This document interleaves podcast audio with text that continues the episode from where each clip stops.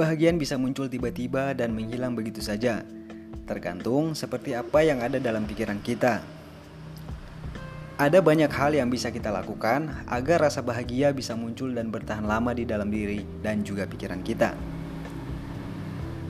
Berikut tips hidup bahagia dalam menjalani hidup dengan baik.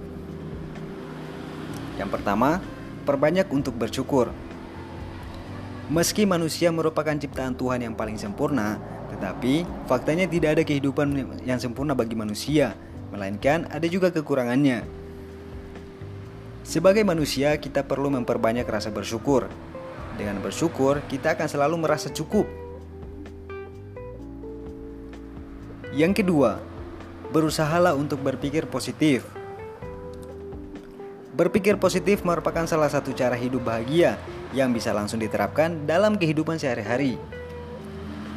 Dengan berusaha menjaga agar pikiran tetap positif, kita akan selalu terhindar dari beban pikiran yang buruk.